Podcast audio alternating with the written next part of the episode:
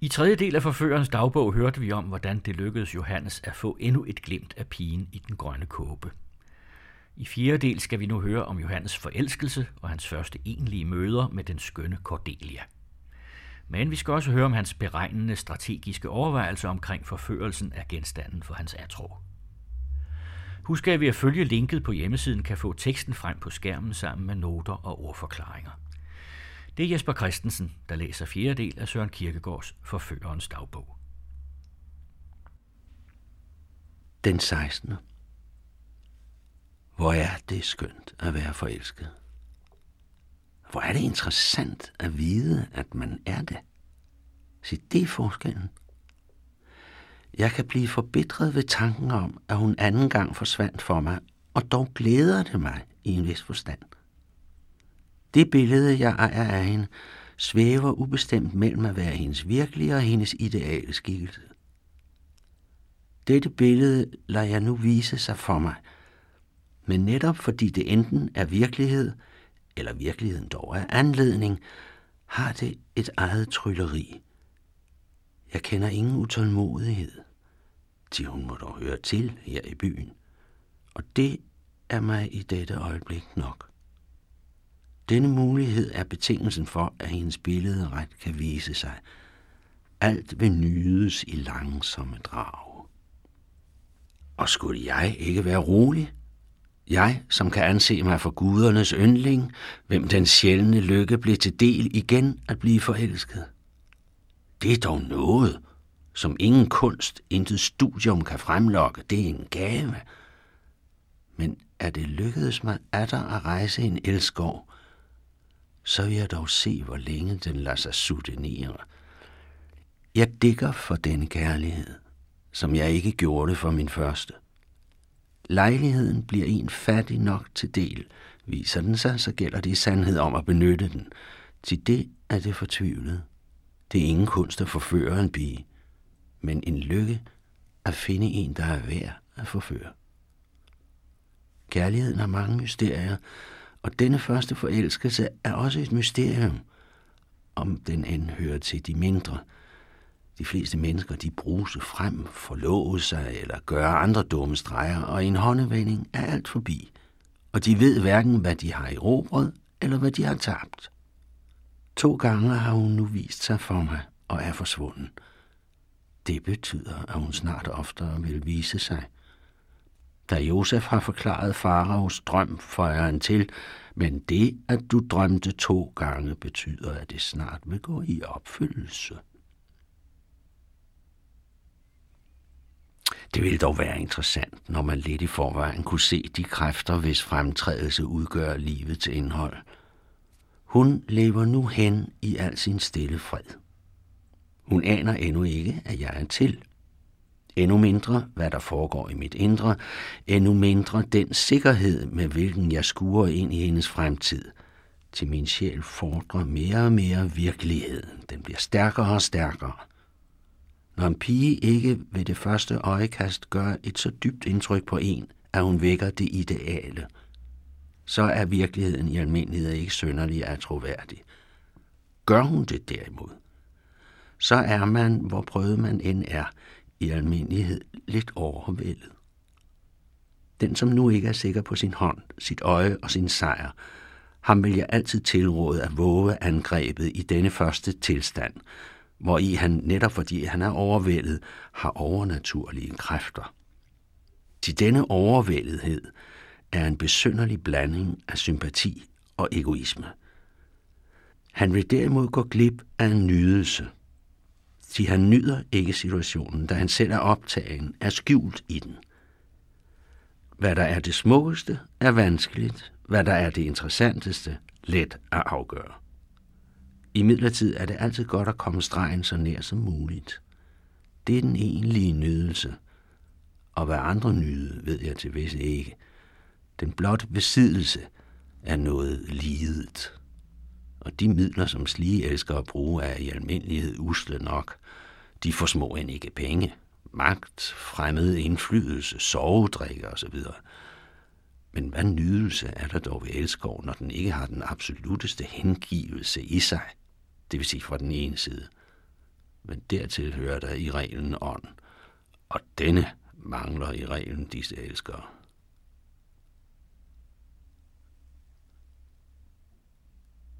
Den 19.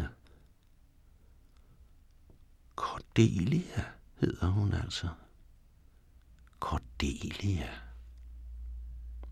Det er et smukt navn. Også dette er af vigtighed, da det ofte kan virke meget forstyrrende i forbindelse med de ømmeste prædikater at måtte nævne et uskyndt navn. Jeg kendte hende allerede langt borte. Hun gik med to andre piger på venstre fløj. Deres gangs bevægelse synes at tyde på, at de snart vil gøre en stansning.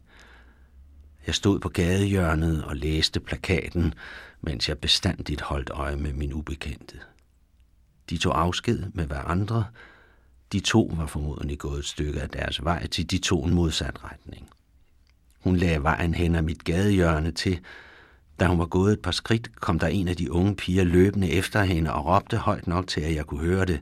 Cordelia! Cordelia! Derpå kom den tredje til. De stak hovederne sammen til et geheimeråd, hvis hemmeligheder jeg forgæves med mit fineste øre søgte at opfange. Derpå lå de alle tre, og i noget hurtigere tempo ilte de nu af den vej, de to indslog. Jeg fulgte efter. De gik ind i et hus ved stranden. Jeg ventede en tid lang, da der jo var al sandsynlighed for, at Cordelia ville snart vende tilbage alene. Dette skete imidlertid ikke. Cordelia. Det er dog virkelig et fortræffeligt navn. Således hed jo også Leres tredje datter, denne udmærkede pige, hvis hjerte ikke boede på hendes læber, hvis læber var stumme, når hendes hjerte havde udvidet sig. Således og med min Cordelia. Hun ligner hende, det er jeg vidst på. Men i en anden forstand bor dog hendes hjerte på hendes læber, ikke i form af ord, men på en mere hjertelig måde i form af et kys. Og var hendes læber svulmende af sundhed. Aldrig så jeg dem skønnere. At jeg virkelig er forelsket, kan jeg blandt andet også se, at den hemmelighedsfuldhed, hvormed jeg næsten også for mig selv behandler denne sag. Al kærlighed er hemmelighedsfuld. En den troløse, når den har det behørige æstetiske moment i sig. Det er aldrig faldet mig ind at ønske medvidere eller at brugte af mine eventyr. Det glæder mig således næsten, at jeg ikke fik hendes bopæl at vide, men et sted, hvor hun ofte kommer. Måske er jeg desuden derved kommet mit mål endnu nærmere. Jeg kan, uden at det vækker hendes opmærksomhed, anstille mine jagttagelser – og fra dette faste punkt vil det ikke falde mig svært at skaffe mig adgang i hendes familie.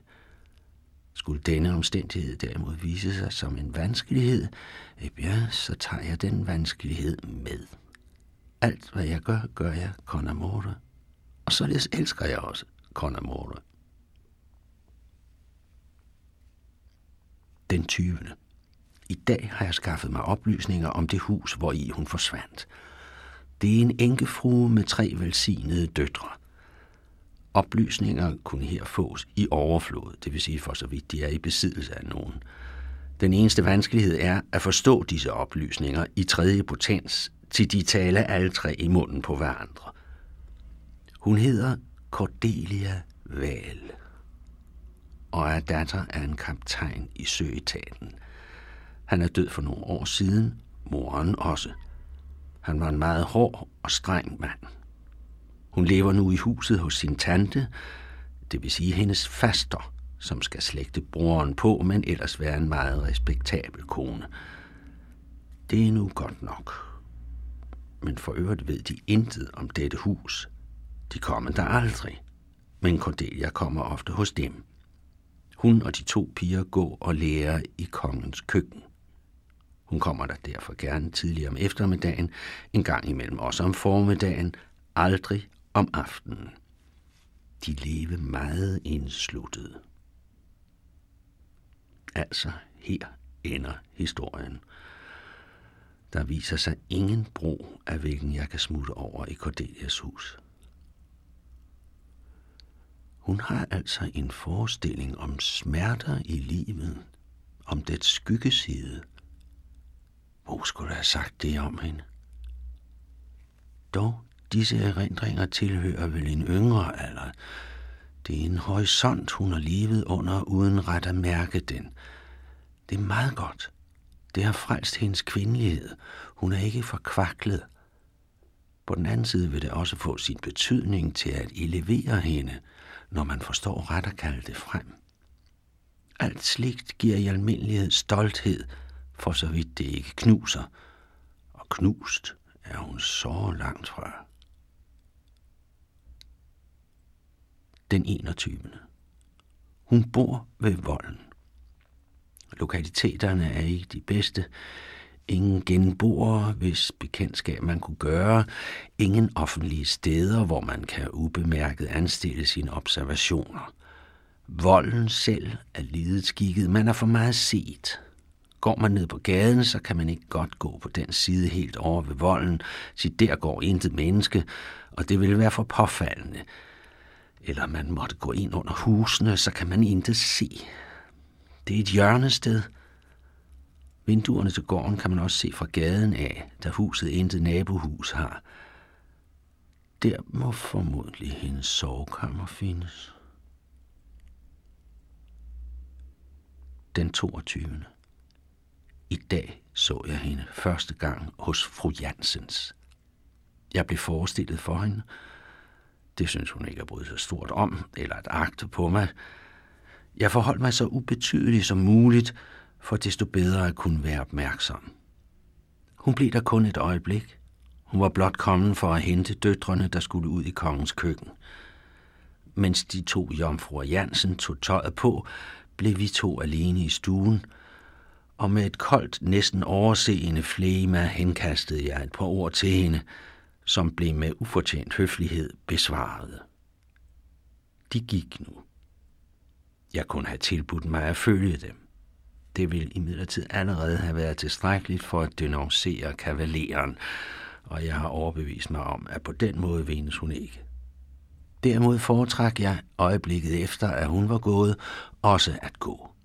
Men adskilligt hurtigere end de, og af andre veje, dog ligeledes stilende til kongens køkken, således at i det de ville svinge om af Stor Kongensgade, løb jeg dem i største hast forbi uden at hilse eller noget, til stor forbavselse for dem.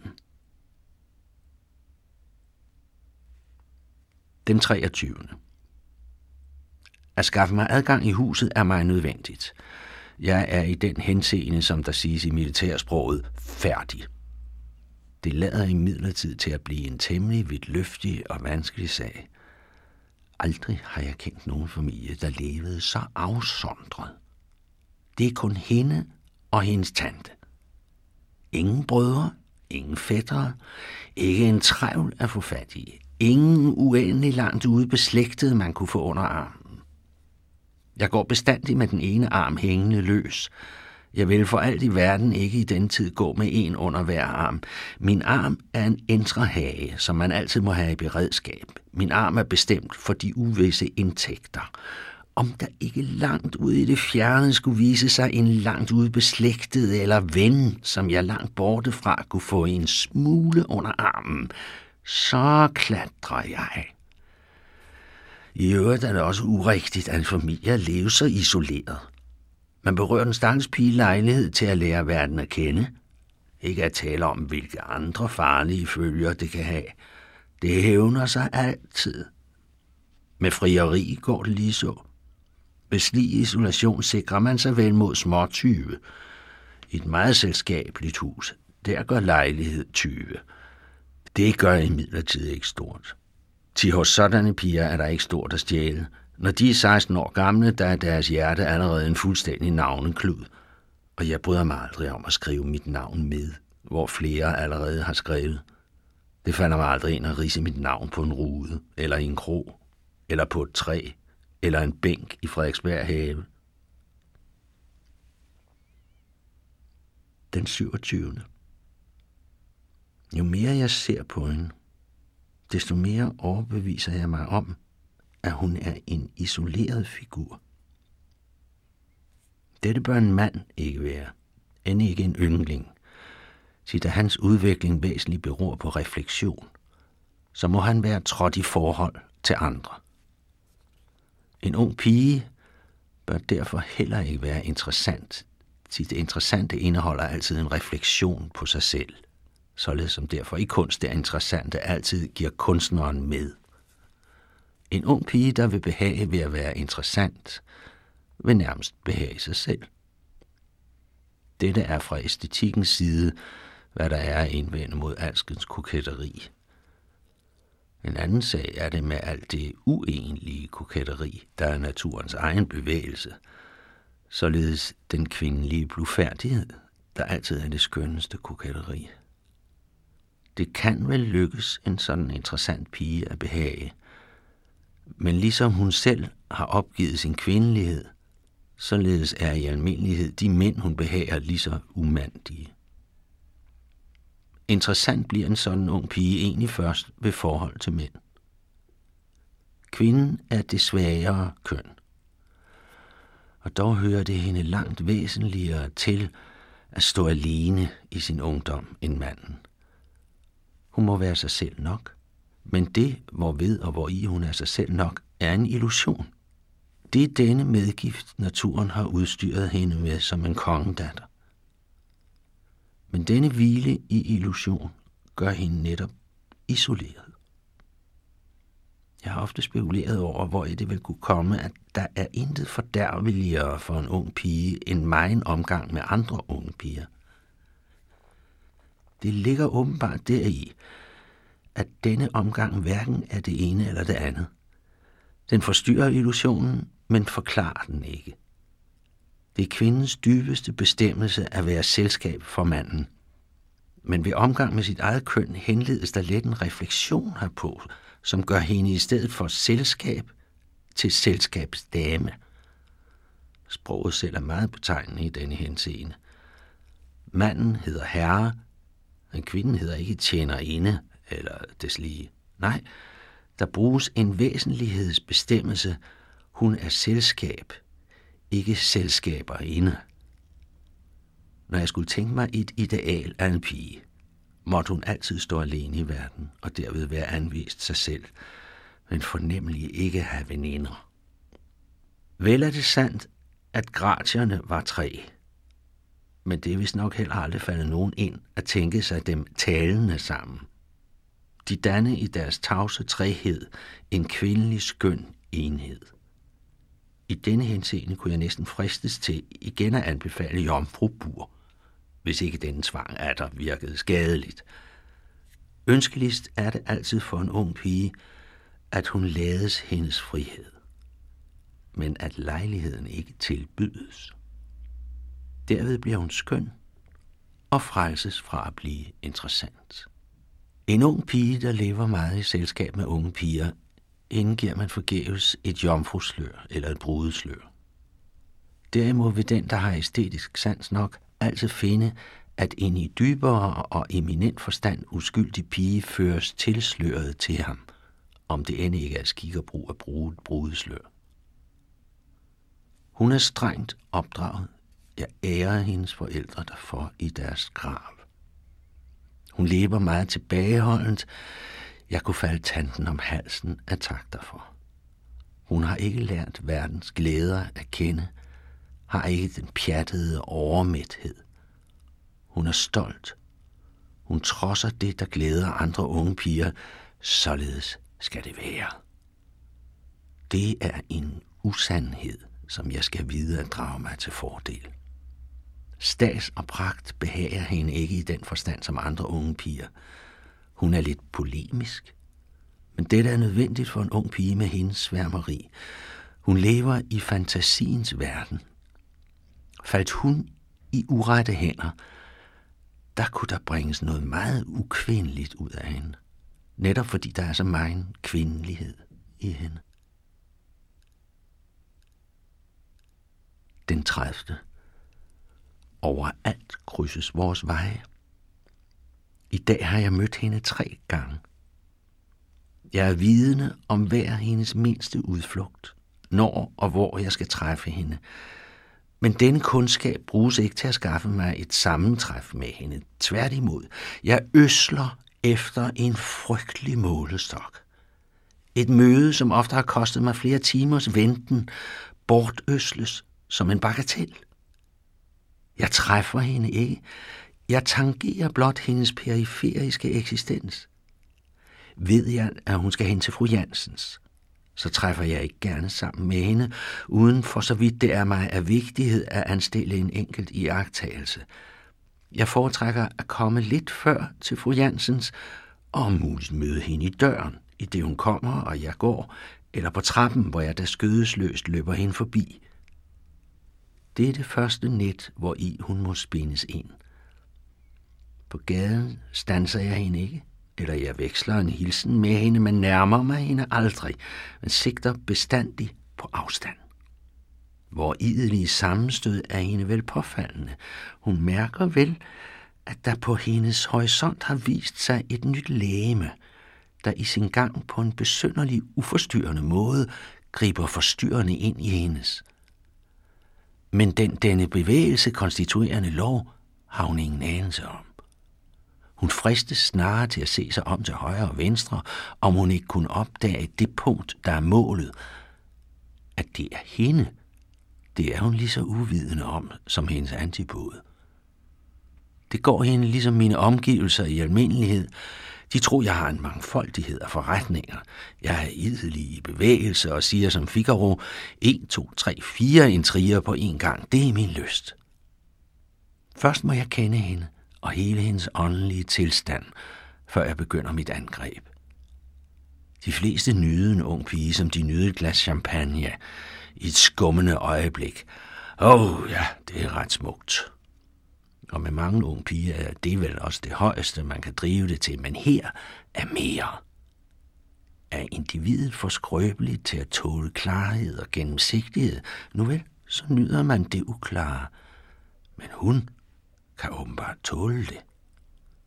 Jo mere hengivelse man kan bringe ind i elskoven, jo interessantere. Denne øjeblikkets nydelse er, om end ikke i udvortes, så dog i åndelig forstand, en voldtægt. Og en voldtægt er der kun en indbildt nydelse i. Den er ligesom et stjålet kys, noget der ingen art har. Nej, når man kan bringe det dertil, at en pige blot har en eneste opgave for sin frihed, den er hengive sig. At hun føler hele sin salighed deri, at hun næsten tiltryller sig denne hengivelse, og dog er fri. Så er der først nydelse. Men dertil hører altid åndelig indflydelse. Cordelia. Det er dog et herligt navn. Jeg sidder hjemme og øver mig selv i at tale ligesom en papegøje. Jeg siger, Cordelia, Cordelia, min Cordelia, du min Cordelia. Jeg kan ikke bare mig for at smile ved tanken om den rutine, hvormed jeg engang vil i et afgørende øjeblik udtale disse ord. Man bør altid gøre forstudier. Alt må være lagt til rette. Det er intet under, at digterne altid skildrer dette dus-øjeblik. Det skønne øjeblik, hvor de elskende ikke ved overgydelse, der er jo rigtig nok mange, der aldrig kommer videre, men ved nedstigelse i kærlighedens hav, afføre sig det gamle menneske og stige op af denne dåb, og nu først ret kende hinanden som gamle bekendte, skønt de kun er et øjeblik gamle. For en ung pige er dette øjeblik altid det skønneste – og man bør for ret at nyde det, altid være lidt højere, så man ikke blot er baptisant, men tillige præst. Lidt ironi gør dette øjebliks andet øjeblik til et af de interessanteste. Det er en åndelig afklædelse. Man må være poetisk nok til ikke at forstyrre akten, og dog må skælmen altid sidde på lur.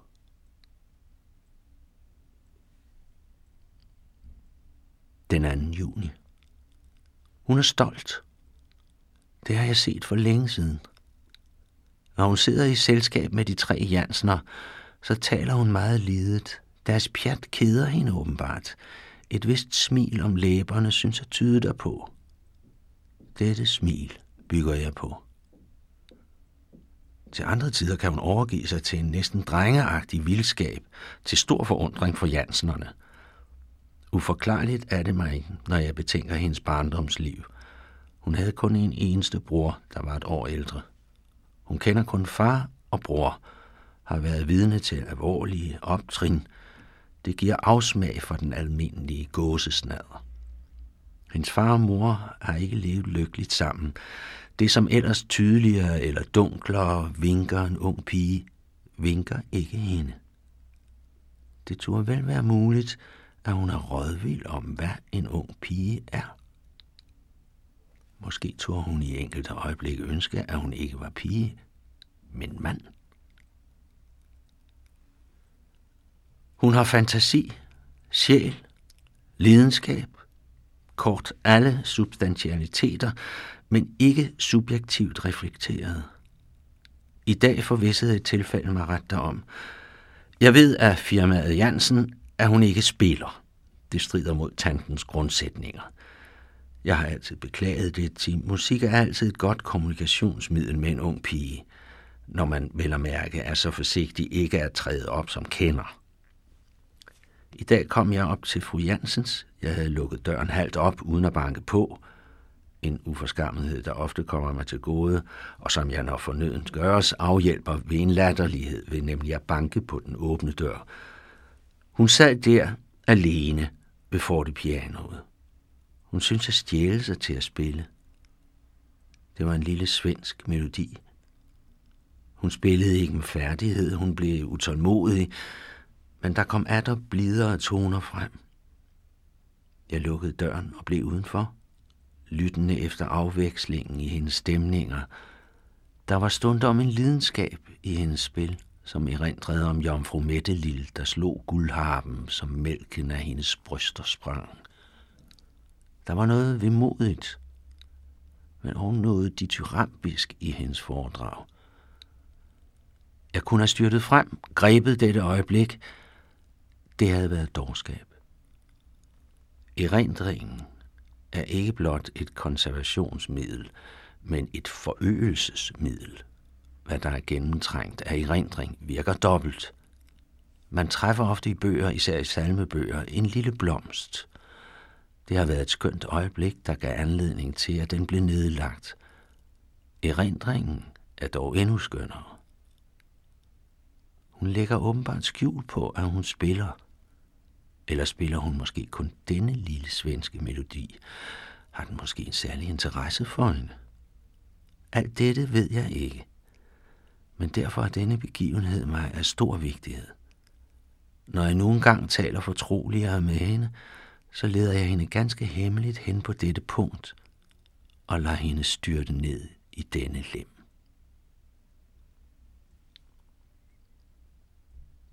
Den 3. juni.